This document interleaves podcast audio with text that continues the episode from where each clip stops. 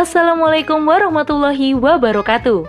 Hai Sobat Narasi Pos di mana pun Anda berada Kembali lagi bersama saya Giriani di podcast Narasi Pos.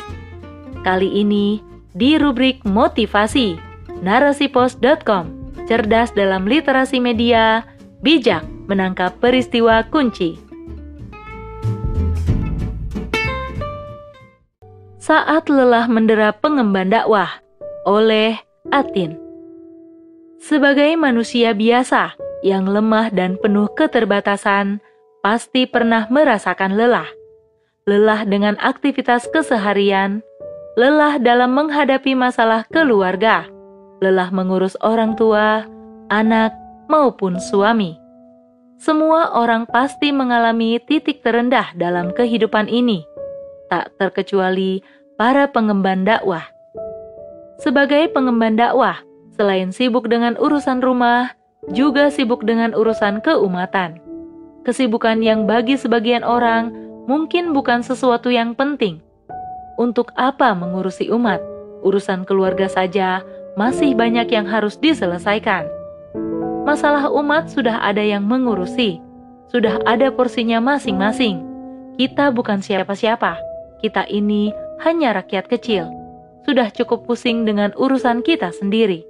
Pemikiran seperti itu wajar bagi mereka yang belum mengetahui, belum mengkaji, dan belum memahami.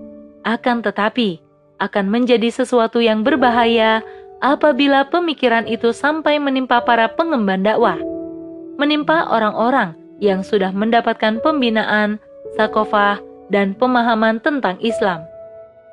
Bukankah dakwah itu sebuah kewajiban yang mulia yang akan membawa keberkahan keselamatan, dan rahmat bagi seluruh alam.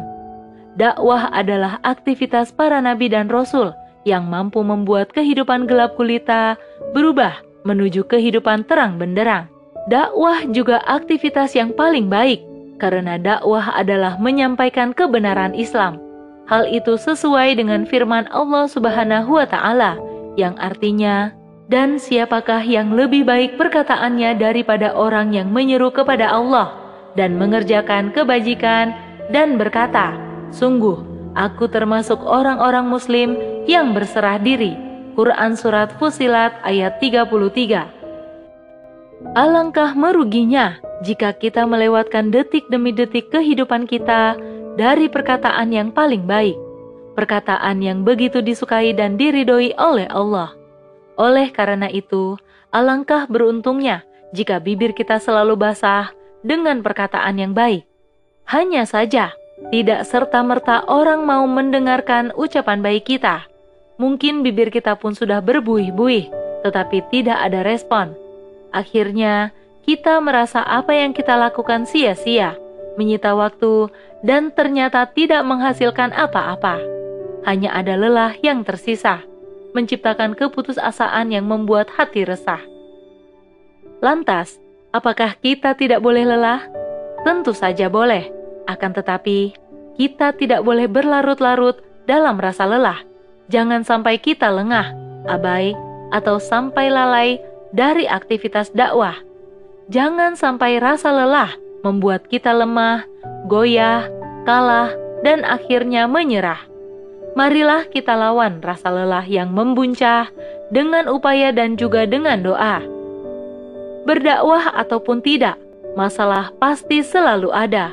Dalam berdakwah juga datang ujian. Ujian itulah yang akan menimpa kita, membuat kita semakin yakin dengan jalan yang kita pilih. Jalan yang akan membawa kita kepada kenikmatan surga. Hanya saja, jalan menuju surga itu memang tidak mudah.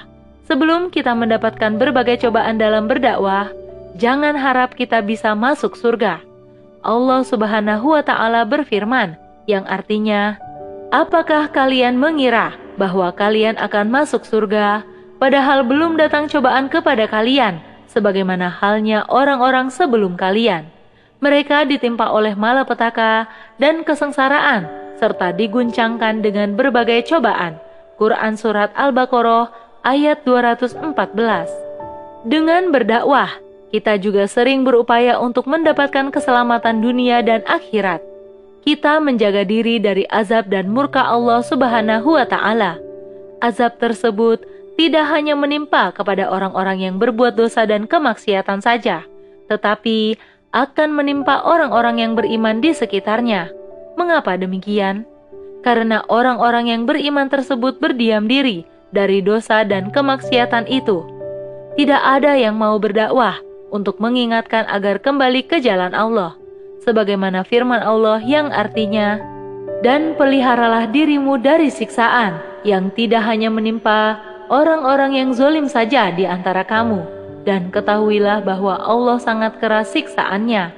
Quran Surat Al-Anfal ayat 25 Marilah kita renungkan firman Allah tersebut, betapa kita akan merugi jika kita hanya berdiam diri tanpa berbuat apa-apa dengan segala kemaksiatan dan dosa yang terus merajalela. Kemaksiatan yang terus-menerus terjadi karena tidak diterapkannya aturan Islam secara menyeluruh. Sebagai pengemban dakwah, mari kita segera melangkah untuk bergegas selagi ada kesempatan, waktu, dan umur yang Allah berikan. Kita lawan rasa lelah yang mendera. Lelah akan jadi lilah jika diiringi rasa ikhlas. Lelah kita akan berbuah berkah yang melimpah Mari terus berjuang di jalan dakwah demi tegaknya Islam kafah. Wallahu a'lam bishawab.